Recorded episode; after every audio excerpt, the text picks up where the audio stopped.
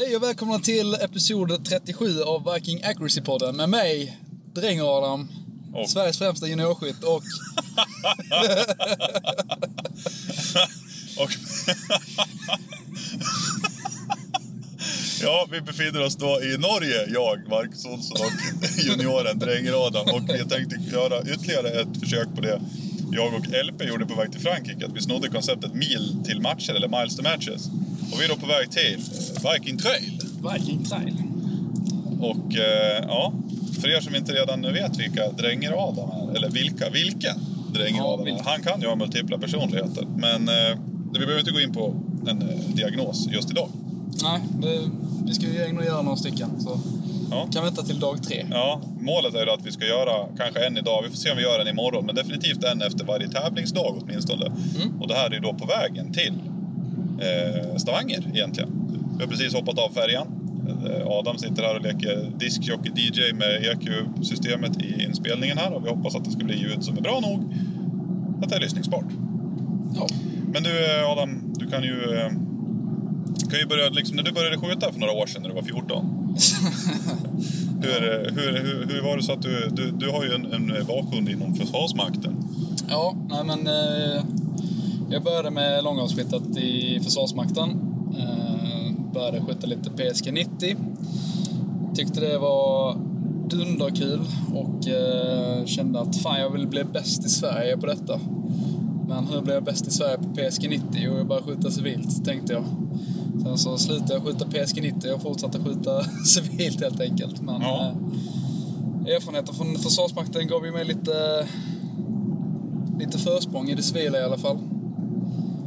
Och eh, ja, det är exakt ett år sedan jag åkte på min första riktiga tävling. Och du har ju sedan dess också lyckats ha en, eh, en vinst En vinst. på Det, ett år. Det är bra. ja, jag, jag är rätt nöjd med det själv. Men det tycker jag, vi, vi, vi som är gamla gamer tycker att det är så kul när barnen lyckas. Ja. Var jättekul för Robert satte ju mig som eh, juniorskytt eh, nu senaste VM-kvalet med 22 år. Fick du några kommentarer? Jag fick eh, lite kommentarer på det. Det. De som har hört talas om mig men inte har träffat mig tror ju att jag är mycket yngre än vad jag är. Bara för att folk säger... Jag, Och även de som har träffat dig tror att du är mycket yngre än vad du är. ja, och jag är, jag är då 27, som, bara för att klargöra det. Ja, jo, jag och LP var tvungna att styrka det här i någon podd tidigare, att du faktiskt är närmare 30 än 12. Ja, så, så är det. Men eh, ja, vi är nu på väg här och eh, det är, du har ju skjutit där förut, men jag har inte gjort det. Ja, det var, det var just Viking Trail som var min första riktiga tävling förra året. Och det är ju också den bästa skjutupplevelsen jag har haft eh, överhuvudtaget. Så detta är ju höjdpunkten i år också, Mm. tänker jag. Det enda är väl i och för sig SM. Den, den, den kommer vara intressant. Uppe i Haparanda. Ja. Ja, den, eh, den ser jag riktigt mycket fram emot. Det finns ju goda möjligheter till bra skytte på Lomben. Jag har aldrig varit där uppe, men det ska bli jävligt kul att åka upp. Jag hoppas jag får ledigt, för jag är smått upptagen där i krokarna också. Ja. Vi, eh, vi håller tummarna. Men du eh, är ju känd som Dränger-Adam och eh, det är väl få som har undgått eh, Dränger-påsarna vid det här laget. Men när, när fick du för dig att, att börja med just eh, Dränger? Jag har ju en egen liten story kring, kring mina första upplevelser med Dränger, men jag tänkte att du ska få börja. Eh, ja, men till en början så var det ju ett uh, rent och skärt militärt märke egentligen. För att eh, jag märkte när jag började skjuta PSG att uh, fan vad gött det hade varit med en baksäck. Men eh, vi fick inte ha baksäckar eller köpa baksäckar. Uh, fråga inte varför. Uh, instruktören var urusel uh, om jag ska vara helt ärlig. Ja, Eh, Men då tänkte jag, okej, men om jag gör min egen då? Så började jag göra som alla klassiska prickskyttar i alla filmer gör och fylla en strumpa med ris. Och det, det funkar ju jättebra. det är bättre än ingen säck. Definitivt. Ehm, Men jag, jag, jag testade att köpa en säck i alla fall.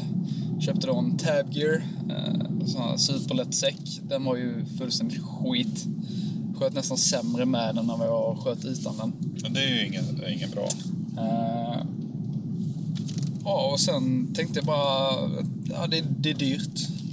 En eh, lite sån här Pint Sights eh, Game Changer, vilket var den enda bra säcken jag kände till. Eh, De kostar liksom 1400 spänn och detta är liksom 3-4 år sedan. Mm. Jo. Så jag önskade mig en symaskin i julklapp det året. 25 år gammal var väl då. Fick- fick, fick du, det. fick du förklara andra saker för din mamma också medan du önskade en symaskin? Ja, men jag hade ju faktiskt ett MVG i syslöjden. Okej, Så ja. att, eh, ja, hon visste redan alltså. Ja, ja. Jag var duktig i skolan. Nej, men så jag började sy egentligen i ett militärt syfte. Jag ville att det skulle vara lätt att ha med sig eh, lättviktsgrejer. eh, Men jag hade ju ingenting att jämföra med. Så det började med baksäckar. Eh, Gungnir som var den första säcken, den finns fortfarande kvar i sortimentet och tycker den är, jag tycker den är life som en eh, liten och nätt eh, baksäck. Men eh, Mjölnir-säcken kom ju Det är ju en tävlingssäck. det är ju en tävlingssäck. Ja, Det den är- andra är ju liksom en, en, en säck att ha i bältet för fältbruk. Ja, exakt. Och det... Ja, jag har tre, tre modeller nu. Två baksäckar och en, eh, en barrikadsäck och en till barrikadsäck som är på gång nu. Kan det vara den jag använder? Det är den där man förändrar i. Precis. Så ja, Keep your eyes open for the latest and greatest products from Dränger. ja men det, detta blev väl egentligen eh, lanseringen av den säcken. Att den, är, Den finns. den är inte hemlig längre. Den är inte hemlig. Den eh, lanseras nu under Viking. Ja, nu är det på riktigt. Ja men den är... Säcken som ska ta världen med storm. Ja, ja men det är ett nytt, nytt koncept liksom. Jag tror den kommer bli bra. Jag tror det blir riktigt bra. Men eh, min story med Dränger är att jag var ju hos Korax. Och så hade de någon konstig säck som bara, "Ah, det här är en ny barrikadsäck. Och jag bara, what? Kände på din den där eh, Gungir-säcken som du efterhand förklarade vad ändamålet var. Men jag fick ju den såld till mig som att, ja men det här, eller jag köpte den ju inte. För jag tyckte att den var helt oduglig liksom, som barrikadsäck. Jag undrar vilken idiot som har sytt den där. Jag behövde dock en two-round holder. Och den enda de hade på lager var en som det stod Dränger på. Och eh, för mig är det ju då väldigt viktigt att, att använda och synas med varumärken från personer som jag antingen eh, känner eller som jag liksom litar på. Så där. och jag hade ingen aning om vad, vem eller vad Dränger var. Mer än att du hade sytt en helt oduglig barrikadsäck. eh, så att jag klippte bort Dränger-märket från min Torrent Holder. Jag, jag såg det på Instagram innan jag hade träffat dig. Ja. jag bara, fan är inte det min, eh, min match saver? ja. Så hade jag redan då börjat skära bort grejer från och förstöra. Ja. Nej, jag hade ingen aning. Jag tänkte bara, vad fan är det där? Nej, jag, jag vill inte profilera mig med någon som jag inte vet vem det är. Lite för att... Alltså dels för att jag hade ju ingen aning. Och jag tänkte så här, jag vet inte vem det är. Jag behöver en two-round holder. Och jag kan inte stå för det här varumärket alls. Jag vet inte någonting om det. Så då tyckte jag att det är bättre att inte synas med det. Därav tog jag bort loggan.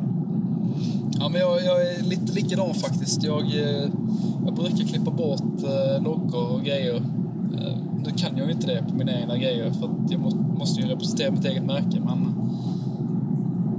men jag är inte så glad i, i varumärken utan jag tycker det är viktigare att prylarna är bra liksom. Ja, alltså... Ja, faktiskt. Alltså det viktigaste är att det är bra. Sen vad det står på dem, det är en annan femma. Sen är det, har det ju en tendens att bra varumärken har en tendens att leverera bra grejer. Ja, Men... Eh, ja, jag, jag, jag är med på vad du säger där. Och nu är jag, jag är inne på, vad är det, fjärde varianten av säck du har skickat upp till mig. Bara, vad tycker du om den här? Och de blir ju bara bättre och bättre. Allt eftersom. ja men det har, det, det har fan eh, varit väldigt värdefullt att ha haft några stycken som man kan skicka säckar till och bara, Ja. ja, men testa detta, vad tycker ni om detta? Och, Mm.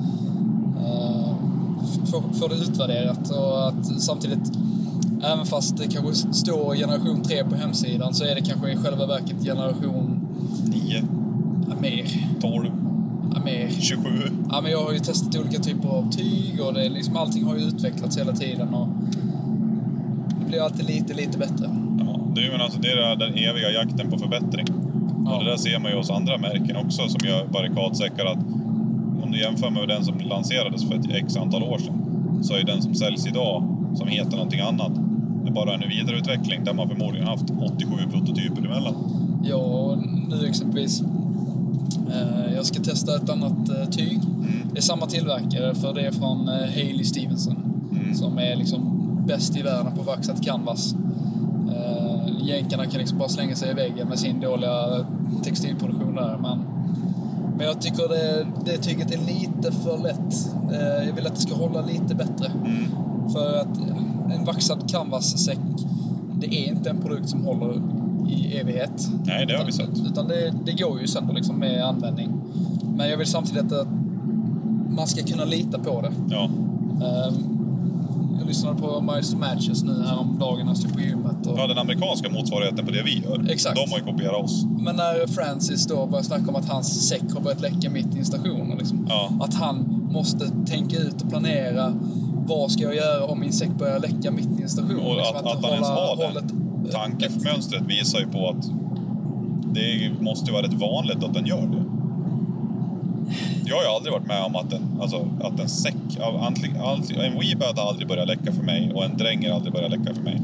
Jag har sett flera AG-säckar som börjar läcka.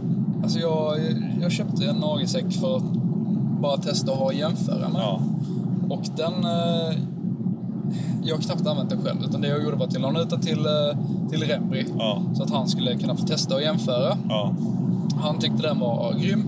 Men när jag fick tillbaka den så läckte den ju. Ja, Så jag var tvungen att laga den själv. ja. Eh, så nej, jag är inte jätteimponerad där. Och eh, jag ska inte låtsas som att eh, drängersäckarna är odödliga, för det är de verkligen inte. Utan, det, det finns säckar som jag har fått laga och liksom fått bilder på. Där de har tagit lite stryk, men ofta så är det ju att folk inte har tagit hand om sin utrustning. Att de inte har vårdat det, att de inte har rengjort det, att de inte har vaxat det framför allt. Och det är ju viktigt att man kontinuerligt vaxar sin säck. Ja. Eh, alltså att hålla den fräsch, alltså alltid liksom hårfön och liksom fjällräven vax räcker ju liksom. Ja, ja, alltså det, det är inte jätteavancerat. Det tar kvart och räcker två, tre månader. Liksom. Ja, ja. Eh, Men just det att du tar hand om din utrustning och sen, du får ju ett varningstecken också. Det är ju inte som att den bara plötsligt dör. Nej, nej. Utan eh, ofta så kommer, dyker det upp tecken på att okej, nu börjar det slitas. Men det är lite som jeans. Ja, ja. Eh, Många killar, jag själv, liksom när, när det spricker i grenen typ. Det är lite samma sak ja man, bör- man har ju märkt att det är på gång långt innan. Ja, exakt. Ja.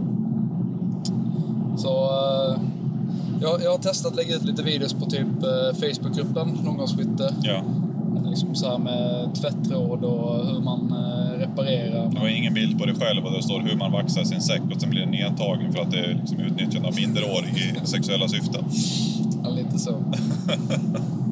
ja, men det, det generella är liksom oavsett vilket eh, märke av säck man har, så länge det är vaxat canvas, det är liksom ja, man eh, rengör säcken så att den inte är fullständigt nedskitig och eh, limmar den.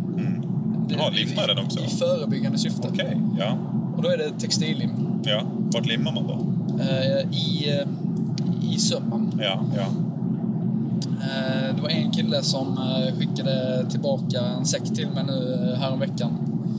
För att han, ja den började slitas helt enkelt och jag vill att min garanti ska gälla liksom. Att bara, okej, nej det här slets lite snabbare än vad det var tänkt. Så då Mm. tog jag hem den och tittade på den och alltså den var ju fortfarande i liv men man såg de här typiska tecknen på att okej, nu börjar det slitas ordentligt. Mm. Fram med limmet, vaxade säcken och eh, den kommer nog hålla säsongen ut kan jag säga. Ja, men det är bra. Det är schysst. Men du har ju också dragit det liksom ett steg, liksom steget längre med, med din lilla symaskin. Att de sys ju inte längre i din källare. Nej. I största del. Utan nu är det tillverkat i eh, Tjeckien. Mm. Och det är mest för att eh, ja, men säcken blev för populär helt enkelt. Jag hann inte sy det själv. Nej. Och kvaliteten så att om de var, undrar de bara, Åh, jag, har jag en innan eller efter Adam slutade sy den i källaren, om det är någon kvalitetsskillnad. Så skulle jag väl bara säga att det, det är väl nästan bättre sytt. Ja, ja, ja det är bättre sytt. Ja. Tyvärr, jag är inte, jag är inte jätteduktig på att sy egentligen. Du, du är liksom före detta sovjetiska sömmerskor, de är lite bättre. ja, de är löjligt duktiga på att sy. Ja. Där har ni det. En eh, drängersäck, oavsett när ni har den. Så är Ja. nya bättre. Sälj den gamla, köp en ny. eller, eller ha två. Ja, eller tre. Ja, jag har ju typ sju. Ja, Jag har i alla fall två. Jag har faktiskt med mig min, eh, min Fat Thor. Ja, de var lite... De ju problemet där var att det var ju för mycket vikt för sömmarna. Och Ja. tyget. De blev ju, de höll ju inte, alltså den strukturella integriteten är liksom, och höll lite samman. Jag märkte LP visade sin sprack och jag har sett på min att han har börjat läcka på lite ställen där det blir mycket på belastning. Ja, och det är väl också därför jag inte riktigt lagt ut den till försäljning. Just Ja. för att den, eh, den, den höll inte så bra som man hade önskat. Sen, jo visst, den håller bra om du limmar eh, sömmarna och så. Eh, Men det, det gäller att man verkligen tar hand om den säcken. Ja, jag tror det här jeans, jeansproblemet man har med hål i grenen, att det försvinner med den nya säcken. Just för att de, de grenarna är mycket mer snälla. Så att det blir inte lika stressat. Så att den nya säcken borde... Ja, jag tror den kommer hålla bättre än allt annat på marknaden. Det, det, alltså, jag, jag kan ju bara liksom, eftersom jag är lite skev i huvudet och umgås för mycket med LP, så när du sitter att när man byter säck så får man inte längre hål i grenen på jeansen. Det är liksom, det var det enda min hjärna registrerade och det, ja. Det blir ju, ja. ja. Det är, det, det, är Det är bästa lite, lite, lite, dålig humor, lite dålig humor sådär från min sida. Ja. Hur har du förberett dig inför Viking Trail då? Oh, eh, inte, inte överdrivet mycket. Utan okay. förberedelserna har väl varit att fixa hyls. För jag, precis som du, eh, gick ifrån BR till Dasher Mm. eh, förra året. Och eh, världens bästa sportskidbutik, Corax, har ju beställt eh, alfahyls till mig. Ja. För att jag inte pallade att fireforma och hålla på med 600 hyls. ja. För det är nästan, alltså för alla som bara, ah, det är så jävla billigt att fireforma. Jo, men du ska ändå ha en kula, krutet, tänddatten och sen hylsan. Så det, vilket i slutändan, plus pipliv. Ja, Vilket gör att det, det är ju egentligen billigare att köpa hylsorna ändå. 100 procent. Köp, köp alfahyls istället. Uh, enda problemet har ju varit att eh, de har haft problem med frakten. Ja, alltså de är ju svåra att få hem. Så liksom, när, om ni nu ska beställa en, en Dasher-bössa från Fabbe, alltså i samma veva som ni beställer bössan, så se till att beställa hylsor också. Så då, borde ni, då är det nog förmodligen hemma tills det att ni har det. det Och, och köp på ordentligt. ja, men från början. 600-800 stycken. Ja, jag tog hem tusen direkt. Ja. Ja, så, ja, tusen är bra att ha, men jag tror att 600 det är nog det man ska ha som minst. Alltså 600 klarar du med. Det är bekvämt med 800 000, då är du safe som fan. Ja. ja, men det är min uppfattning också. Men ja, problemet har ju varit att hylsorna har inte hittat till Sverige. Nej, De, de dök upp igår jag för mig. ja, det är ganska färskt. Det finns ju, jag har för mig Pontus pratade om att det finns 600 eller 700 kvar till försäljning. Det är bra. Ja. De hade jag plockat upp. Så att om det är någon som sitter där och i Dasher-banor så det är rätt väg att gå. Hade jag så här i efterhand varit inte så jävla dumsnål så hade jag förmodligen också köpt. Men du vet, kan själv, jag vet bäst, jag fireformar. Det blir skitbra. Ja, alltså jag har ju fått Fireformer nu. Bara för att det var har det, problem ja. med, med frakten. För de, Men- de kom ju till Tyskland Ja. och sen så tog det stopp där. Och då skickades det tillbaka till USA. Okej. Eh, så det har varit en jävla härva med de hylsorna. Så då har jag fått bränna kanske 500-600 kulor i pipliv Ja, det är inte på. Fireforma. Nej. Men det blir bra. Ja, jag har ju min gamla IVI-pipa som tur är som jag fireformar i. Det är som liksom en slit och släng slash kärningspipa så att jag har inte brytt mig så mycket om slitage där. Men Nej, Så rent krasst så hade jag ju kunnat haft den pipan längre i så fall. Men jag, var, jag bytte ju till en Bartline nu från Ibin och den är ju skjuter ju som en, en dröm. Alltså, Alltså en Fabbe-bössa 7000 eller vad? ja, ja, så. Herregud. Ja, det, det, har varit, Det är lite skillnad eh, mot den du hade innan. det var ganska stor skillnad. Vad hade du innan Adam? Eh, en KS Arms från Kanada. Ja, Eh, de hade bra kundservice i alla fall, trots att den har pajat två gånger ja. på samma ställe. Och hade en halv klacks kontaktyta av tre. Ja, men jag vann... Eh, vad heter den? Tifos? Tyfors. Tifos. Och det bevisar ju här då att för att vinna så behöver det inte alltid skjuta lillfingernagel med lågt DS. Nej. Nej, nej, långt ifrån. Långt ifrån. Det är kul om du gör det. Eh, Det är det. Och det är framförallt eh, självförtroende. Men eh, det är ju en mental sport. Det är en väldigt, väldigt, väldigt stort en mental sport. Eh, vi är, jag vill inte kasta ut andra namn som håller på med det just nu, men det finns några tillsammans med mig i min närhet som faktiskt eh, är relativt regelbundet pratar med en idrottspsykolog nu för tiden. Ja. Eh, Och det har hjälpt ganska mycket på den mentala biten skulle jag vilja säga. Och så just att känna ett lugn inför, jag har aldrig känt mig så lugn inför en tävling som jag gör nu inför det här. Skönt. Aldrig. Och, alltså jag har känt mig lugn när jag åkt till en mindre tävling för att jag bara sett det som åka på en träning. Alltså en endagars klubbtävling eller sånt där. Men Viking Trail är ju ändå det som motsvarar, alltså det, i år är ju det Europas största match. Ja, ja. Detta är ju årets EM. Ja, och precis som i fjol så var franska finalen var Europas största match. Ja. Så är det, och, då, och då tycker man ju rimligtvis att jag var ju ganska nervös för att åka ner till Frankrike. Men det här är ju nästan större. Eller det är egentligen större. Och jag har... Alltså jag har ju en förviss förväntan, men jag är inte alls att jag känner någon form av press eller så, utan jag är bara väldigt lugn inför hela allting. ja. Och liksom bara känner en glädje av att komma iväg. Och just de här samtalen vi har, den mentala biten. Alltså det, man, har, man har växt. Det är lite grann som att... Du vet, alltså det här konceptet, jag ska bara träna lite till innan jag åker på tävling. Och så utvecklas du som mest när du väl har börjat tävla. Och innan det här så har jag läst lite böcker och man har tagit råd från någon amerikan. Jag vill inte kasta någon under bussen heller nu, men jag kastar under bussen när vi pratade tidigare, off air. Ja. Som har rekommenderat böcker och de här har gjort så stor skillnad för mitt skytte och det har fått mig att växa. Och, och jag kan verkligen inte förstå vad det är i de böckerna. Du har ju själv sagt att den boken är helt jävla oduglig. Ja. Eh, när jag tog upp den, och- som den ligger här i baksätet, eh, så visade jag den för Adam och han var alltså det är helt sämst. Och så ja, började vi diskutera där. Men det kan man likställa med att träna på hemmabanan till att faktiskt prata med någon som har liksom gått en femårig utbildning mot idrottspsykologi. Alltså det är en psykologutbildning med inriktning idrott. Ja. Och, och bara ha de här timmarna när man sitter i den här lilla gruppen och, och pratar om saker och den här personen vet, alltså faktiskt kunskap om alltså, psykologi mot idrott. Definitivt. Och det, är som det motsvarar att börja åka på tävlingar. I, Ja. För den mentala biten.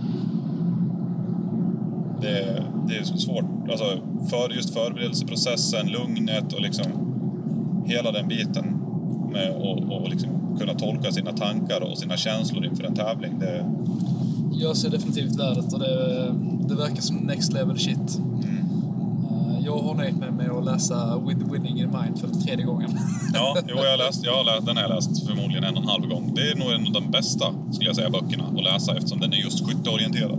definitivt. Eh, Det finns en till bok som är ganska bra som är den heter Mental Marksmanship av eh, någonting och hans fru Linda Milken från Kanada. Okej. Och den har ganska små skytterelaterade berättelser och en slutsats om vad man lärde sig under den här händelsen. Och det, då har du en sportskytte, en jägare, en polisiär och en militär. Okej. En berätt och så då har du olika kapitel som går in på olika områden. Ja. Och i det området så finns det liksom den här, den här biljetten, eller den här berättelsen som är en militär berättelse på det här området och sen står det liksom erfarenheten från det. Och så kan man gå igenom där och vad man tog med sig av de här sakerna. Och här och där så hittar man sådana här saker som, men just det, det där kan jag ta med mig. Det låter intressant. Jag är alltid på jakt efter nya böcker att läsa. Och så just att det är så korta etapper, det är lätt att bara, ja, man behöver inte läsa klart hela kapitlet utan man kan dra en sida och sen så nästa sida är nästa sak. Ja. Ja, den, den ska jag till, kolla upp. Ja, Definitivt. jag, ska, jag får skicka det. Jag tror man får, man får beställa den lite special special för den är inte direkt något som har publicerats av stora publishing houses. Det är ju tråkigt. Ja. Eh, Men den är väldigt bra. Den, den, har, den hjälpte mig också. Men ja, just eh, den mentala biten. Det är superviktigt. Och Ja. det, det är väl där jag kanske har haft en liten fördel sen jag började. För när jag dök upp på Viking Trail förra året så trodde jag ju att jag skulle vinna. Du trodde det? Jag trodde det. Nej, på riktigt? Ja, på riktigt. Ah, självförtroende är inget fel på. nej, nej, men det har ju egentligen varit så varje tävling. Ehm, eller, eller kanske inte så här bara att ah, jag ska vinna. Men att man vet att man kan vinna. Ja, Att så länge jag håller ihop det så har jag möjlighet att vinna. ja. Eh, Det har väl varit min styrka inom PRSen sen, sen början. Ett självförtroende helt enkelt. Men det, alltså, den är ju väldigt viktig att ha. Och sen får man ju, i sitt självförtroende ska man också känna sig själv. För självförtroendet och, tro, och just det, det där läste jag också. Så man, måste, man måste tro att man kan vinna så är man halvvägs där. Man, Ja. ja. fast nej. Alltså, du kan ju lura dig själv och tro hur mycket du kan vinna som helst. Du måste ju veta att du har verktygen för att vinna. Så att det hjälper ju inte, det räcker inte bara med att tro det. Utan du måste ju veta att du har den kunskapen, att du besitter den kunskapen och den liksom, skill level som krävs. Ja, Och, inte liksom, och, och gör du det, då är det viktigt att veta att du, att du klarar av det. Men så det, det blir lite så här, man läser de här självhjälpsböckerna och bara, ja, du måste tro på dig själv så klarar du allt. Man bara, ja, Det, det, det kan lätt bli töntigt. det blir, ja, Men det är fortfarande lite som den här Henry Ford. eh, whether you think you can or can't, you're right. ja, jo Alltså- men alltså det är alltså, om, men om du, om du kan, men tror att du inte kan, ja då är du körd. Ja, ja. ja. Men om, 100%. men om du inte kan och tror att du kan, ja då är du körd ändå. ja. Så att det där är liksom, det blir, som, det, det blir en liten klyscha liksom. Det grundas ju på vad man själv har för, för skill level. Men alltså det är lite... Jag tycker det är självförtroende. Alltså Ja. att man har tron i sig själv. Att, bara, att man vet att okej, jag kan vara stabil nog att ta rätt skott. Ja, Eh, att man har tron i sig själv att okej, jag kan göra rätt uträkning så att jag har rätt dope Ja. på mitt kikarsikte. Men också att man har tron i sin utrustning. ja. Den tycker jag är Men jättestor. den är jätteviktig, att man måste kunna lita på sina grejer. Och, den, och det kan du göra om man... Alltså du, kan lita, du, du har tron på dig själv i din process och din utrustning genom att göra korrekt förberedelse. Ja, för det är ju en jättestor del att din utrustning håller över hela tävlingen. Ja, Och jag tycker också det är intressant att folk har... Utrustningen är viktig, men ibland har folk lite för mycket fokus på prylar. ja. så är det. För att jag kan nästan lova dig att det finns folk som kommer dyka upp med prylar för en tiondel av vad vårt kostar. Eh, som kommer vara konkurrenskraftiga. Ja, ja, så är det ju. Alltså, just prylarna gör ju... Alltså vapnet i sig, ja. Alltså, det gäller ju... Alltså, du kan ju komma med... Jag sköt ju väldigt bra när jag hade ticka. Varför jag ett custom-lås? Ja, det är lite bättre. Ja, det är känsla. Ja, och då... Det känns bättre liksom. Och känns det bra så presterar man bättre. Sen kan det ju också vara att, eh, igen, li, lita på att skiten håller. Ja, jo men det är det viktigaste. Lita på matningen exempelvis. Men den, den viktigaste biten som ändå är att sp- faktiskt spendera pengar på, det har ju både du och jag. Vi skjuter ju båda zero compromise. Ja, ja. Optik är jätteviktigt. Eh, men det är ju inte alla som kan spendera. Nej, och måste man, måste man prioritera så skulle jag hellre köpa en billigare bössa och en dyrare optik. Oh ja, 100%. Alla dagar i veckan. Jag, jag tycker det är ganska enkelt. Liksom, optiken. Eh, så länge du... Det, det finns instegsoptik som är skitbra som gör att du kommer kunna dyka upp och vara konkurrenskraftig på alla tävlingar. Ja, Eh, och gränsvärdet för det är runt ja, 15 000 skulle jag säga. 15-20. Ja, 15-20. Eh, Finns nå- alltså runt 15 sträckor finns det en del grejer som är liksom funkis. Den här eh, Match Pro ED, Och nya Bushnellen. ja den ser ju riktigt, Ja, jag, jag, kikar den på, ut. jag kikar den på Shot Show. Den är, den är mint as a motherfucker. Den, eh, Jag vill ha en sån till min 22 det är bara- och öva. Nej, jag, jag kollar ju dem på, det kommer ju med ett helt koncept. Du har ju Match Pro ED, både kikarsiktet och sen finns det ju Match Pro ED handkikare 15 gångers med samma streckplatta i handkikaren. Ja. Den, den är liksom, den tror jag är, för man ska heller inte underskatta vikten av att ha med en handkikare på tävling och stå och Verkligen. observera. Det- Och kan du då observera med samma streckplatta som du har i kikarsiktet, grattis, där har du några gratispoäng. Definitivt. Ehm, nej, den är jätteviktig. Men samtidigt, du behöver inte spendera 40 lax för att vara nej, konkurrenskraftig. nej, nej, gud nej. Men Sen eh, steg två tycker jag är chassi egentligen. chassi eller kolv?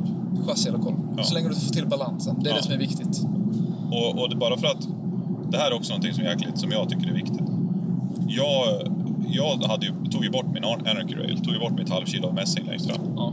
För eh, jag upplever inte att jag skjuter lika bra med en bössa som är helt balanserad fram. Alltså, vissa vill ju verkligen ha den där att den ska ligga exakt mitt i säcken, balanspunkten och allt det där. Jag skjuter inte lika bra då. Okej. Jag vill, jag vill ha lite... Den ska kunna stå, precis stå på säcken. Så att den är på gränsen av att tippa bakåt. Så du gillar det baktungt alltså? Ja. Jag är tvärtom där. Och det där är det att som är... Alltså som nyskytt så tycker jag att det där är, det där är lite farligt att, att vara... Ja, men den, den, det är här balanspunkten ska ligga, för det säger man på internet. Det, Ja. inte- det är inte säkert. Alltså, som sagt, du gillar när det är framtungt, jag gillar när det är baktungt. Liksom, tits and ass guy. Men, Men ja, jag har ju lite tanke bakom hur jag har balanserat min bössa. För att eh, ibland så har vi ju benstöd Ja. på bössan och det flyttar ju fram balanspunkten väldigt Ja. mycket. Så det jag har gjort är att jag har gjort den så här, perfekt balanserad utan benstöden. Och när jag då sätter på benstöden så blir den lite framtung. Mm. Vilket jag ty- tycker hjälper med rekylupptagningen. Ja. Så då kan jag anpassa stationen ifall jag vill ha den perfekta balansen eller ifall jag vill ha lite bättre Ja. rekylupptagning. Och det har fungerat rätt bra för mig. Ehm, Adam skjuter ju då spurchassi. Jag skjuter spurchassi. Uh, gick från ett MDT-chassi. Eh, men jag har skjutit KG Bravo ett bra tag också. Jag tyckte det var fantastiskt. Enda Så- problemet med den är egentligen balansen. Ja, alltså för mig var det inget problem för jag gillar baktungt, men den var lite för... Det blev... Den, ja, ja, Den är, den är svår att balansera. den är lite det- svår att balansera. Alltså, alla KRG-kolvar egentligen blir väldigt höga från bottenlinjen. Upplever jag. De kommer, pipan kommer högt upp från där du har, har kontaktpunkt med påsen. Om du kollar på till exempel whiskyn och de där så känns det som att pipan är, den är alltid ganska högt upp. Samma sak med Bravon. Och förut var ju Bravon det, alltså det bästa som man kunde ha som instegskolv. När du skulle men börja med någonting. Alltså instegskolv, Bravo. Ja. Jag tycker att MDT XRS har blivit den nya Bravon. Dels för att den är bättre byggd och den är lättare att få balansera. Jag har aldrig testat den, så jag kan inte ta lite från det. Men Ja, för du, pipan kommer längre ner i kanalen och sen Ja. finns det möjligheter att köpa vikter. det, Du det kan- är värt jättemycket. Ja, och du kan byta en forehand som är enclosed längst fram och du kan stoppa i vikter och sen kan du sätta vikter fram. Så den går att balansera bättre. Plus att du har två olika former av grepp så du kan antingen få ett vertikalt eller ett vinklat. Ja. Två grepppaneler du sätter på det. Och ergonomin är ju superviktig. Jag är, jag är en sjuk anatominörd och liksom när det kommer till ergonomin och eh, tror definitivt på att om du optimerar ditt grepp för skjuthanden så kan du eliminera dåliga avtryckare. Ja. 100%. Jag, jag kan inte skjuta med ett helt vertikalt grepp. Helt omöjligt för mig. Och det, det stämmer inte anatomiskt det heller. Egentligen ska du ha lite vinkel på det. Ja. Du behöver inte ha mycket, men lite vinkel Ja. ska du ha. Ja, men jag, som jag skjuter ju Genesis 2. Ja, Skitbra. Jag testade även, eh, eh, vad hette det, jag sköt ju AI sist jag var i England. Den är också vinklad. Förra, för, första gången jag sköt då fick jag en AI med helt, eh, helt vertikalt grepp, om jag minns rätt. Och tumhylla. Ja, det var väl liksom, jag tyckte det funkade väl. Men sen nästa gång då fick jag en annan AI med den längre pipan och en annan broms. Men då var det det vinklade greppet med tumhyllan och då var det så här bara yes, det här. Nu, nu ligger min handled on point. Vilket liksom- jag märkte att det blev en, en, en stor skillnad i avfyrningarna för mig och hur snabbt jag kom in på målet redo att trycka av. jag har ju formgjutit mitt spurchassi för min hand så att Okej. eh, du kan få titta på det när det kommer fram. Ja. Då ligger min hand perfekt. Ja. Det liksom flyttar sig inte. Och då har jag märkt, speciellt när jag torrövar då, att jag kan inte ta ett dåligt skott. Nej. Det går liksom inte, så jag kommer aldrig kunna skylla på det. Nej men då kommer det alltid rätt. Det är lite som när man tittar på nya MPA-chassit. Har du sett det? Ja. Det här med att, man, att de, de stöder finger hela vägen fram. Ja, Ja, det är också jävligt smart. det har jag gjort eh, på mitt eh, spurchassi. Okej, nice, nice. Eh, men eh, det behöver inte vara, man behöver inte överkomplicera det heller. Nej, nej. Som vi snackade om innan. När jag har känt på LPs bössa, Ja. med det helt vertikala greppet, Ja. klarar inte av det. Nej. Det är liksom passar Han älskar det hand. Han älskar det. Och det är för att vi alla är byggda olika. Ja. Liksom, jag tror både du och jag har ganska stora händer. Ja, typ så här 11-12 på handskar. Ja, typ. Ja. Medans, eh, ja, LP, han har ju små flickhänder. Typ 8-9 eller någonting. Ja. Det är de franska generna. Men LP har andra kvaliteter istället för, små, istället för stora händer. Ja, man kan ju ha, ha stor säck. Ja, ja, det är det då. Nej, men just det där med, med eh, du får ursäkta om det låter lite grann nu, vi kör mitt inne i en tunnel. Eh, Men just det här med ergonomin på greppet är ju jäkligt viktigt att det passar den. Och, och, och kan man då som på med XRS byta mellan två olika grepppaneler och testa bägge två, ja, det är ju nice. Precis, och det många inte tänker på, det är tummen. Ja, För det jag inte klarade av med MDT-chassit var att tummen hamnar på ett jättedåligt ställe egentligen. ja, Så att du laddar chassit från sidan eh, oavsett hur du än har tummen. ja just ja. Eh, och det är därför jag är så jäkla glad i sprutchassit. Just för att du kan ha det rakt bakom. Du kan lasta av det helt 100%. Bättre blir det liksom inte. Och där har vi fördelen med kolvar också. För där kan du oftast också ha tummen rakt bakom i linje med pipan. Ja, Och det var det som gjorde att jag var så jävla glad i mitt KG Bravo. För där, på samma sätt, du kan lasta av tummen helt perfekt i linje med pipan. ja, Och då påverkar det inte din avfyrning. precis. Nej, ergonomi är viktigt. Nu, nu blev det helt plötsligt från att nej, men man kan ha jättebilliga grejer till att bara, vi custom-gjuter handtaget på spurfästet eller spurchassit och bara... Ja. Den är... Ja. Det spårar snabbt ur. Det, det gör det. Men poängen är väl ändå att man kan alltid göra någonting. Ja, men det man kan göra också om man är lite om sig kring sig, liksom, att, det som jag pratade med en kille tidigare idag, att ja, han visste inte riktigt vad han skulle ha för bössa och så här, och han ville ha något han kunde jaga med och eventuellt även kunna byta och köra jakt med när han byggde full custom sen. Och då, men tänk dig att du köper en Tikka T3 Varmint och Ja. där, där finns det ju ett grepp som är hyfsat vertikalt. Känner du vart vill du ha, vart vill du ha tummen? Ja, men köp lite glasfiberspacket då. Ja, eller eh, surgu, tror jag det heter, det jag har använt. Det är, det är ett lim, ett Ja. gummilim. Uh, här därefter 24 timmar. Okej, ja. Eh, det är inte jättebilligt, men det funkar skitbra. Nice. Så det, det hade jag rekommenderat till de flesta.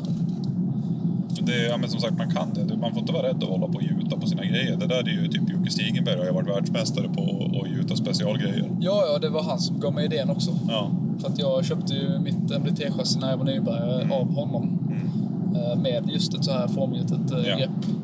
Sen att det var skit, ledsen Jocke, men eh, det var jättedåligt gjort. Eh, Helt fel ergonomiskt, men, eh, men det gav mig Det, idén kan, i alla det fall. kanske funkade för han. kanske funkade för han. Och det är ju så jävla enkelt också, för det är bara att känna på det och avgöra, känns detta bra, ja eller nej? Känns det bra, ja men skitbra, rör inte det. Nej. Bara låt det vara. Känns det skit, ja då får du ändra på någonting. Ja, ja, precis. Nej, det är det som jag gillar med alltså min foundation. Det är så här, varje gång jag skjuter någon annan tänker man så här, fan man kanske skulle prova någonting för det är kul att testa grejer. Skitkul. Men så kommer man tillbaks till sin, till sin kolv där och bara, fan jag älskar den här. Ja. Så det där är en, ja, det är en intressant aspekt. Men vi har ju bägge bytt till 6 dasher. Fantastisk kaliber. Väldigt trevlig. Eh, tog mig 12 skott att laddutveckla. Tog mig lite mer, Ja, faktiskt. men inte mycket. Nej, eh, jag har ju lärt mig lite om pipan nu tiden jag har fireformat. Ja, Det kan man också säga att när man fireformar, fan vad tätt det skjuter. ja. Jo, jo. Min, jag sköt ju typ en 20-skottare på så här, typ 18 milli. Ja, ja. Alltså ESen, den har varit skit för min del. Ja, min var okej. Men det har nog mest varit för att eh, mina hylsor har varit i sämre skick när jag Ja, har ja. börjat fireforma Ja. dem. Men eh, det har skjutit tätt, det har det. Definitivt. Eh, Men jävlar vad pipan älskar 105 jag, jag ångrar lite att jag inte laddade 105 istället för 109 nu till den här tävlingen. Vilka 109 laddade du? Eh, long range hybrid target Ja. från Berger. Jag, jag vet, jag, jag, jag får dålig koll på berget. Jag är en hårdare kille. Men eh, vad, är det 109 känsligare än 105 på precision? Eller är det 105 hur, hur funkar det där? Hur upplever du det? Eh, nu har jag inte skjutit jättemycket av 109 uh, så det är lite svårt att säga. Jag har fireformat har jag ju kört med Normas uh, Diamond Line. Fantastisk kula.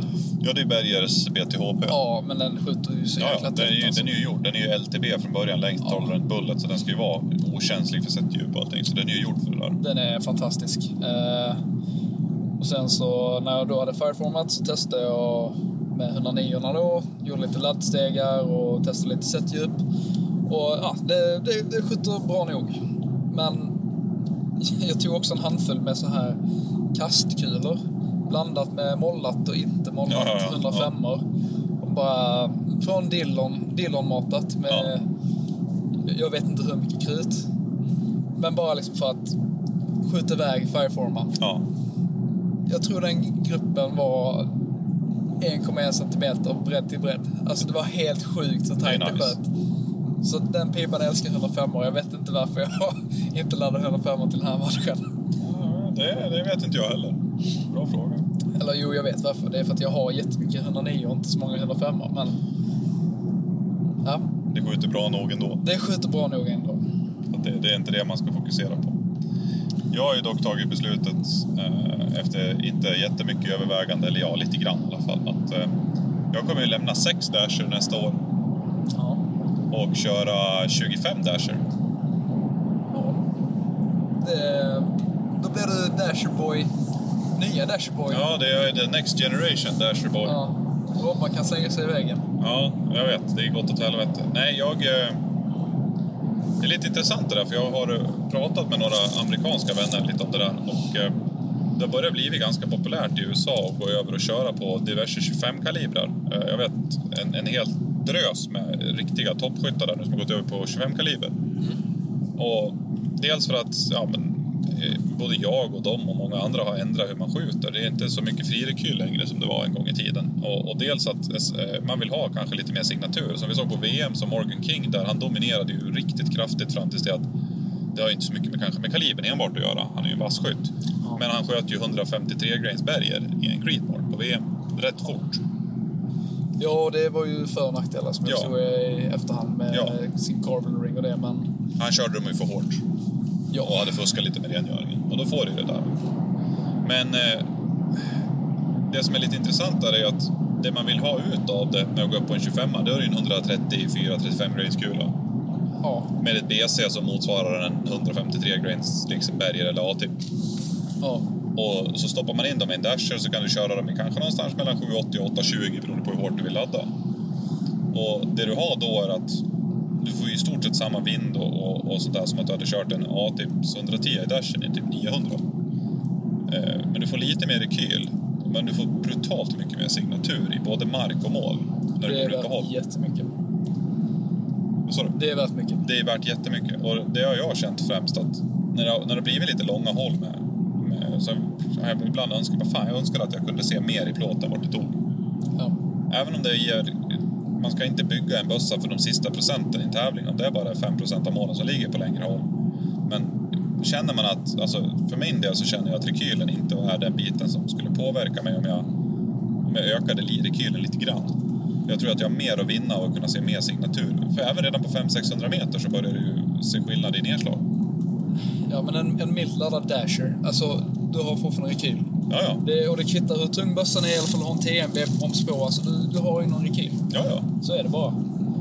Eh, jag, eh, jag gillar ju min 6,5 Creedmoor. Ja. Jag har testat lite löst nu på hemmabanan. Ja. Bara skjuter lite för skojs skull. Det är inte farlig rekyl i den. Jag skjuter 140 grainar i den. Ja, men det är liksom. inte det. Alltså laddar du dem i ja, 800, 800 40, liksom, eller någonstans där. Ja, 820 820, ja. Det är en ganska behaglig rekyl. Och det är inte där det sitter. Nej. Och, så, så hela den här att, ja, Och sen i vår nordiska terräng också. Det är ganska ofta du skjuter in i en buske. Ja, eller så någon, jävla, eller någon liten jävla mossa eller gräs eller någonting. Och så här, ja, men kan man få lite mer så kanske det gav jättemycket. Ja, men det jag som jag, hade ju faktiskt eh, i Östhammar förra året en station där jag kunde se hur det rörde sig i busken. ja, Som räddade den stationen. Så att det blev en eh, 11 istället för en eh, ja, 10. så, så hade jag när jag sköt äh, det, Rauhälla förra året och vann. Då var det en station där jag sköt och så såg jag hur det rörde sig i trädet längre upp och då insåg jag att just ja, det är fan, jag har glömt skruva. Jag såg exakt vart i riktmedlet det rasade ner en, en kvist eller en gren eller en blad eller något sånt där. Det rörde sig i alla fall och trillade ner. Ja. Jag bara, där uppe. Då, klickade det på en gång. Jag har inte skruvat. Och istället för att jag skulle börja sonda vind. Jävla tur att hitta den alltså. Zero compromise baby. Ja. Och sen bra rekylupptagning. Ja, jag, eh, jag har ju tagit aktiva valet att ge upp lite rekylupptagning för att ha en lite mer stabil position innan skottet kommer. Mm. För jag tycker ju fortfarande det är viktigare att, att du träffar, eller tar ett bra skott än att, Ja, alltså det, att där, ser vad du träffar. det där får du ju avgöra. Liksom. Eh, Det viktiga är ju såklart att man inte man, man ska ha så mycket man kan ha utan att, att offra position. Ja, det, är- det är för och nackdelar med allting man gör. Ja, Eh, om vi tittar på våra bromsar exempelvis. Ja. Jag kör med en TMP. jag kör med en Ace. Och ja, den bromsar jättebra, men eh, du får ganska mycket blås i ansiktet. Du får jättemycket blås i ansiktet. Ja. Mina linser typ grisar sönder. Känns det som. Ja, men den är effektiv. Den är jätteeffektiv. Den är extremt effektiv. Eh, jag skulle inte säga att för min del att det, att det gör någon skillnad mot att skjuta Ace. Uh, Acen ger lite mer rekyl, men det istället ger noll blås i ansiktet. Ja, och det är liksom Och det för och nackdelar. Ja, mindre smäll, eh, jag får inte lika ont i huvudet efter en lång dag. Och speciellt på en sån här tre dagars tävling. Jag, jag påverkas av det. Och sen, du gör det bevisligen inte lika mycket som jag. Nej, det enda jag är rädd för är väl egentligen inomhusskytte. Ja, just det. Dag tre i Mykland, då vet jag att det är tre eller fyra stationer inomhus. Den är, ja, ja, nej jag har provat dem inomhus. Det- det är jag lite rädd för. TMVn inomhus, den är snuskig. Eh, frågan är hur det blev med Morgan King-bromsen. Ja just det, den nya som såg ut som en sexleksak. Ja, det är väl en sexleksak om du är tillräckligt uh, våghalsig. Ja, jo, jo, jo, så är det ju. Det är dåligt för underlivshygienen. ja, precis. Lite krutkakor. Ja, det. nej, fina grejer. Nej, men ja, den ska väl vara värre va? Egentligen, den ser värre ut. Jag frågade BJ och han sa det att eh, den är typ samma. Den är samma. Att det inte är så pass farligt. Uh, farligt värre då. Nej, Ehm, sen, ja, han är ju säljare så ja. han vill ju få skiten såld. Jo, jo, så är det ju såklart. Alltså, den är förmodligen effektivare, men det där är också en upp, hur man upplever det. Morgan hävdar ju fortfarande än idag att han knappt får någonting, alltså han upplever inte någon form av backblast eller concussion alls av TMB. Ja, det är bullshit. Ja, jo. Och det är också det som känns liksom, det är, det är bullshit. Ja. Eh, Vilket jag, alla- jag köpte faktiskt en ljuddämpare. Okej. Eh, det kommer jag köra med lite mer. Inte på tävling, men just på hemmabanan och Ja. övning. Och det är fan mysigt. Ja, men så det är trevligt. Jag brukar köra det där ibland när jag bara har varit trött på smällaren. Så jag vet att jag körde det ibland på vintrarna så tyckte jag att det var gött att bara så på en dämpare och skjuta lite grann när man är ute och myser. Mm. Det, vad köpte du för dämpare? Eh, Warbird Ah, HPW. Okej, den där med, med, med bromsen på. Yes. Den är... Jag har testat att ligga med ansiktet rakt bredvid när- min flickvän skjuter bara för att testa trycket till sidan. Ingen, ingenting. Det är inte det? Nej. Så att eh, den kan du definitivt ha på en fältskyttematch. om du Ja, det har kommit ut någonting liksom. Nej, alltså det är inte märkbart. Okej. För jag, jag, jag kirrade ju en, eh, en tvåsektioners eh, ATEC PRS-broms, den här nya som är, med hål runt om. Ja. Den gamla har ju så att du var tvungen att ställa så att det var bara åt sidorna, men den här har hål runt om. Ja. Så att den behöver inte tuna in. Så jag har provat bägge två och där får du ut... Alltså jag har hängt en, en, en handske bredvid, liksom, typ en halv meter därifrån och den slår ju frivarv runt handen. Alltså det blir en bra punch. eh, även på, på dashen då. Men jag såg, jag testade den även på en 308 och där hände grejer. ja, nu testar jag ju med Dashen. Mm. Så Ja, dashen fick en bra jag knuff. får nog testa lite mer. Men eh, jag köpte den via NO. shooter.no. Ja. Jättetrevlig kille också. Är inte det... Vad fan heter han nu igen? Eh, Jag har glömt vad han heter. Men, ehm, Förlåt Norge. Förlåt oss. men han, han driver ju den bästa. Han, han är ju Norges motsvarighet till Corax skulle jag Okej, säga. ja, ja, ja. Ja, men men då- jättetrevlig kille. och Ja. Liksom, eh, men han hjälpte mig att ta hem en sån i alla fall. Ehm, Men vadå, du känner ingenting på sidan att det kommer ut? Det är Nej. liksom okej. Och jag frågade han liksom så här, ah, ska jag köpa A-Tech-bromsen eller ska jag köpa Warbirden? Och han tyckte jag skulle köra på Warbird. Ja. Eh, och jag är, jag är fan riktigt nöjd med den. Jag, jag, har så, jag har så svårt för mycket sydafrikanska produkter för att det är så här... Alltså du vet, de har ju någon så här Gun Warrior-chassi nu. Som de promotar så jäkla hårt där nere. Men eftersom sydafrikanska lagar på kopior är, väldigt lösa. Alltså du får ju, ju inga, de skiter ju juridiskt i sättet om du kopierar någonting. Ja, fan.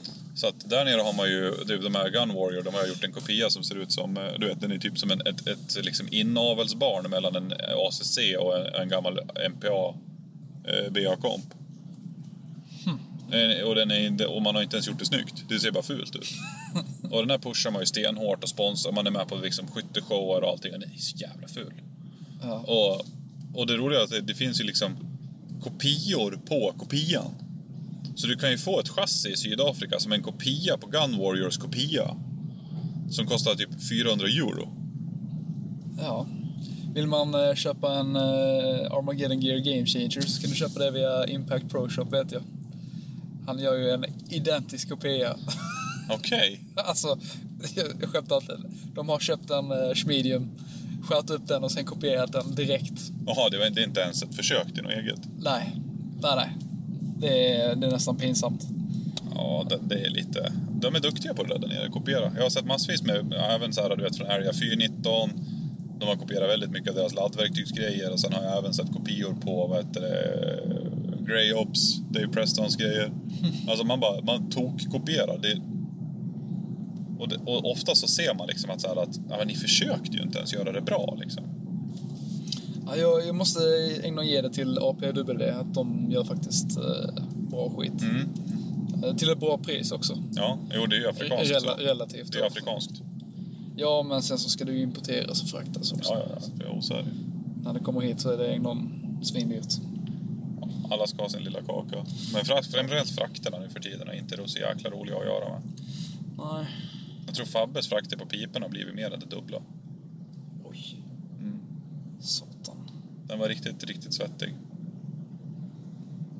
Så att det, den är, nu ska vi se vad som händer här. Det är en, en stor H-balk, modell jättestor, som ska svänga rakt över vägen här. Bred last. Mm. Han har inte fel.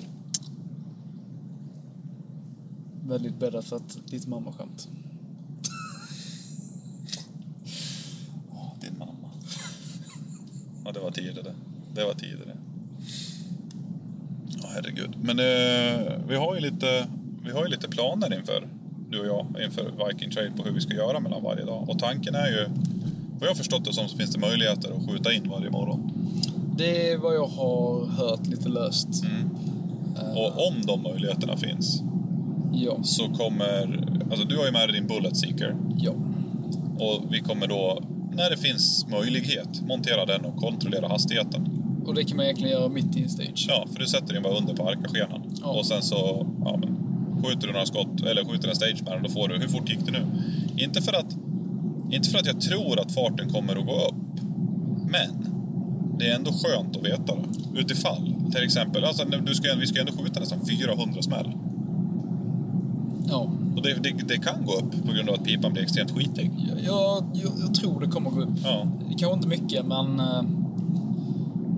Där är det också rätt gött att den sista dagen är det liksom maxavstånd 400 meter. ja det var inte mer än 400 då. Nej, jag tror inte det är mer än så. Ja, men då, för då kan du ju skjuta alltså 40 meter i sekunden snabbare och du ligger max i överkant plåt. Ja, så, så farligt är det inte. Men förra året hade jag ju problem med det. Att, eh, Men då hade du en KS-pipa också. Då hade jag en KS-pipa. Det gick 40 meter snabbare än vad jag hade kronograferat precis innan tävlingen. Och jag hade inte rengjort eller någonting sånt emellan, utan det bara... Det bara, hade bara stuckit iväg. Ja, för min, min nuvarande, jag provsköt, jag sköt ju 200 skott utan någon egentlig rengöring när jag började liksom sådär. Ja. Och då märkte jag att min pipa gick upp ungefär 5 meter i sekunden i fart. Och det kan ju också göra med att det blir varmare ute eller sådär, men det är så här, ja, jag vet inte. Eller att pipan gick upp i fart, jag har ingen aning. Men det är också bra att veta, det är ändå en ganska ny pipa. Och, och kunna testa det där. Men också just sen att vi kommer hem på kvällarna, om det nu finns möjlighet. Och, dels för att precisionen när du har gjort rent pipan är alltid högre än efter att du har skjutit 300 smäll. Det spelar ingen roll vad man säger att det inte påverkas. Det kommer alltid konsekvent skjuta bättre om pipan är hyggligt ren än om den är jävligt skitig. Ja. Och så finns det möjligheter att skjuta in varje morgon. Då kommer jag att dra torr clean i pipan varje kväll.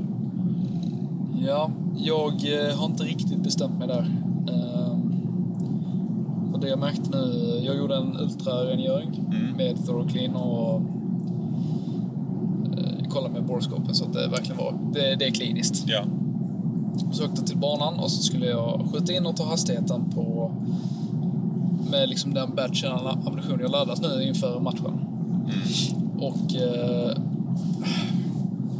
över typ 10-15 skott så flyttar sig min eh, nolla. Okej. Ganska så ordentligt. Okej. Eh, så det första skottet rent går ungefär tre klick högt, tre klick höger. Ja. Och sen ju mer jag skjuter, ju mer jobbar det sig inåt mot det som var min nolla. Ja, ja, ja. Ja. Så jag har ju inte behövt flytta nollan nu, utan den Nej. är tillbaks efter 30 skott. ja. Eh, Men hastigheten var, var jämn och fin. Mm. Över hela, alla 20 skott. För jag, jag hade ett träffläge på exakt samma ställe. Jag hade städat ur hela pipan, Toro, Toro Clean. The Ja. shit för övrigt, för alla som lyssnar. Bästa rengöringsgrejerna. Luktar heller inte illa. Eh, städade ur den helt, spit shine. Och sen eh, var jag ute och så sköt jag och den, den träffade exakt i mitten på 10-tavlan. 10 ringar bara rakt i. Och sen resterande 12 satt ju också så här inom ja, men 15 milli liksom. Det blev en 15 mm 12-skottare ish. Ja, Och det, det är jag nöjd med. Liksom. Så, och jag drog två av de tolv. Och hade, ja, om man hade räknat bort dem, då var jag nere på typ 8 milli. Men just det där att om man kollade på farten. Jag kör ju jag kör lite snabbare nu, eller ganska mycket snabbare än vad jag gjort förut. Men det är för att det skjuter bra här och det känns bra i den här bössan. Eh, 866. Men efter rengöring så var första skottet 8.44, andra skottet 8.55 och sen sista 8.66. Så efter tre skott var farten uppe. Tredje skottet var farten där den ska vara. Sen, var, sen bara rullar den på med ett SD på 2. Men du skjuter ju inte med mollade kulor. Nej, det gör jag inte. Det gör jag. Ja, just ja. Så att... eh, ja. Så då behöver du molla på pipan igen lite grann. Ja. När du har gjort ja, helt. det, Men jag, jag misstänker att det kan vara det. kan vara det. Eh, Jag vet inte, för jag har inte så mycket erfarenhet eh, för att kunna säga definitivt. Och jag har inte testat det heller. Nej. Men eh, eh, jag, jag tänker att mellan dag ett och två kommer jag inte rengöra. Jag kommer dra lite torra patchar helt enkelt, bara för att få ut eh, det värsta jag har en board liksom. snake med mig om du vill låna det. Ja, det, jag har också med mig Ja. det, så det är lugnt. Men snake är så här, om man kollar på vad vi har tagit, alltså jag har tagit med mig ganska mycket eh, nöd, alltså lösningsrelaterade grejer. Jag har tagit med mig ett, en, en ny firing pin. Jag har tagit med mig ett trycke som sitter i en triggerhanger. Eh, jag har tagit med mig en board snake utifall ut, om, om någonting förbannat att pipan, någonting, man får in skit i den. Ja. Bara kunna dra ur det. Eh, Jag har med mig... eh, Jag har alltid med mig en stång i Ja, jag är också med med stången. Och vet du, stång, jaggar, alltså allt. Det räddade ju en killes match förra året. För att han... eh, Kenny ja. Var det? Var det inte det på, eh, på Östhammar? Nej, eh, i Viking Trail förra Viking året Trail, okej. så var det en av norrmännen i min squad som... eh, Jag tror han fick case head separation så att... Och det sitter, halsen sitter kvar i patronlögen. Ja, det var, det var nog det. Ja, och det får du ut med, med, med bronsborsten. Ja, han lånade i alla fall min, min stång och Ja. räddade hans dag där. Det man gör då är att du för in stången och sen stannar du när du går in. Precis när du går ut förbi halsen, in i freeboarden, så vänder du där. Då kommer eh, mässingsborsten och drar ut Så jag hade ingen mässingsborste med mig Okej. där då. Släppte den kanske bara för hand där inne eller? Jag vet inte hur han löste det, men han var jättetacksam efteråt i alla fall. Ja, för jag fick så när jag sköt blasen i min ungdom att då, då, löst, då stoppar man in och så drar ut den. Ja. Sen dess har inte jag fått det. Men Kenny på... Han fick ju det där på, på, på, på, på Östhammar, också med en KS-pipa. Den började ju mantla på sig in i helsike att den, eh, han sköt ju ut tändhattarna. De ramlade ju ur hylsorna på grund av övertryck och då är det tryck. Ja. Så då, då fick han låna min stång med borste och, och torrklin. Och jag för mig det var jag. Vi, vi gick ihop i alla fall. Jag vet inte om jag hade med mig torr, men folk hade med sig olika grejer. Så gjorde han vård på den där. Och eh, sen sköt den ju bra resten av tävlingen. Alltså, det känns som ett lotteri där med KS. För jag vet, köper du en gammal, Då är det bra. då är det bra. Det är bra. De gamla KS-bössorna är inget fel på. Och det är lite det de sålde på. Att de funkade bra. Gen 1 och 2 typ. Ja, alltså jag har ju känt på robots och den är ju, alltså det är glas. Det är nice. Det är glas. Ja. Uh, robot skjuter jättebra med deras pipor. Funkar ju jättebra för hand liksom. Eh, min förra KS-pipa då, när den blev, när den blev skitig. Eh, och det behöver inte vara jättemånga skott, 50-60 kanske. Ja. Och flyttade sig träffpunkten. Okej. Och, och åt olika håll varje gång. Ja, det var inte konsekvent heller. Nej. Ja, ja. ja den är fin. Eh, och sen att den dog väldigt dramatiskt också. Jo. Där i eh, Kosta. Ja, just ja. Nej, det har varit lite lotteri det där. Och det tråkiga är väl lite grann att jag vet att vissa som har försökt sälja Gen 1 och Gen 2 av KS, de är svårsålda på grund av de här sista Gen 3 och senare som har varit eh, inget bra. Ja. Eh, Så det är lite synd. Jag vet att Tengvall håller på att försöka sälja en äldre KS och till ett, ganska, till ett väldigt bra pris. Jag har skickat den till några kompisar som jag tycker ska börja med PRS. Ja, De har liksom... De har varsin 308. Tycker att det är det bästa sen skivat smör. ja men, Det är väl skivat bröd med den. ja, är, det inte, är inte den man har prickskyttarna använder? Det är väl det bästa då? 308? Ja. Ja är det inte det? Prickskyttar använder väl bara det bästa? Eller? Först och främst, pri- prickskyttarna kör ju med eh, prickammunition. Ja, jo. De, eh, den här magiska väggen på 700 meter där man inte kan skjuta på dem med en vanlig 762 normalprojektil. Ja, Den finns inte med den eh, med prickammunitionen. Där kan du skjuta på 1200 om du vill. är det under UKAL eller? eller Ja, ja. precis. Men då börjar vi också snacka väldigt spetsig, väldigt smal volframprojektil. Ja, som gör väldigt mycket skada på mjuka mål. Ja, Och hårda. Kanske det, det har jag inte testat. Nej, men jag tänker... Jag har inte testat på mjuka heller, ska jag Wolf, väl Wolf, säga. Wolfram är ju hårt. Det är det. Ja. Så här. Nej, men nu, nu ska vi inte prata sånt. Nu är det sportskytte. Vi behöver inte gå in på Adams eh, past, alltså secret agent operator within the armed forces. Nej, okej, du var på spaning. Ja, jag var på span. Ja. Nej, men eh, det är... Nej, men alltså just alltså, KS, de gamla var ju bra. Ja, Och det är väl synd att det blev som det blev. jag är egentligen fortfarande nöjd med den jag har nu. Den kändes ju bra faktiskt i repeteringen. Ja, ja, alltså den... Och den har gjorde ju- matat fantastiskt bra. för det gjorde ju inte... De skickade ju en batch på ganska många och de lät ju som dragspel när man repeterade. Du har ju sett den hemma hos mig. Ja. Ja. Och, men sen den som du fick, jag tänkte fan stackars jävel har köpt en sån jävla dragspelslåda. Och det var bara kändes- för att jag... Fabbe är ju överarbetad och har lång väntetid. Ja, Och hela anledningen till att jag beställde KS var ju att ja, det är lång tid eh, att beställa från Fabbe. Och det är... Poängen är, ska ni köpa custom, hör av er till Fabbe tidigare än senare så ni inte gör ett dåligt val. vi har alla gjort det där någon gång. Eh, jag började ju bygga på tickan lite för länge än vad jag skulle ha gjort egentligen. Jag skulle ha byggt tidigare. Jag byggde ju i och för sig, tickan gjorde ju Fabbe i BR, men det var ju fortfarande en ticka. Jag, alltså hade jag, jag hade ju tekniskt sett lika gärna kunnat ha kört custom. Och du hade slutade hos Fabbe ändå. Ja, det, jag hade lite tur. För jag, när jag fick eh, megaproblem med KSen, eh, då hörde jag av mig till Fabbe. Jag Bara, "Du, jag behöver en impact. Och så, eh, så underbar som han är så... Och turen jag hade så hade han ju ett lås som var bokat som någon hade hoppat av. Där han sa, ja men du kan ta den här liksom. Mm. Ilse Pip till den också. Det är inte jättevanligt att folk hoppar av, men det händer ibland. Och Ja. då... Ja. Då kan man ha tur. Så istället för att vänta ett år eller vad det är så... hade det Sex, bara- sex månader, ett år, lite beroende på Ja, hur tur man har i planeringen. men eh, ja, jag behövde vänta kanske tre månader eller sånt. Ja, det är ju väldigt kort tid. Det är ju så roligt när folk bara “Åh shit, jag orkar inte vänta. Fabbe säger att jag kan inte få det förrän till hösten” och du vet, så sitter vi som satt och kollade på custombyggen pre-covid och alltså redan 2016-17 när jag beställde min ticka. Då kommer jag ihåg att man pratade med Fabbe, men vad är väntetiden på ett custombygge? Ja, alltså det är ju minst ett år. Ja, Och så här man bara, jaha, okej. Minst ett år. Och idag är det så här, du kan om du har tur få ett på sex månader. Och så gnäller folk på att, åh shit, jag måste vänta åtta månader. Och vi som har varit med ett tag, vi bara sitter och garvar. Vet ni hur det var för? Det kunde vara två år om du beställde udda grejer. ja.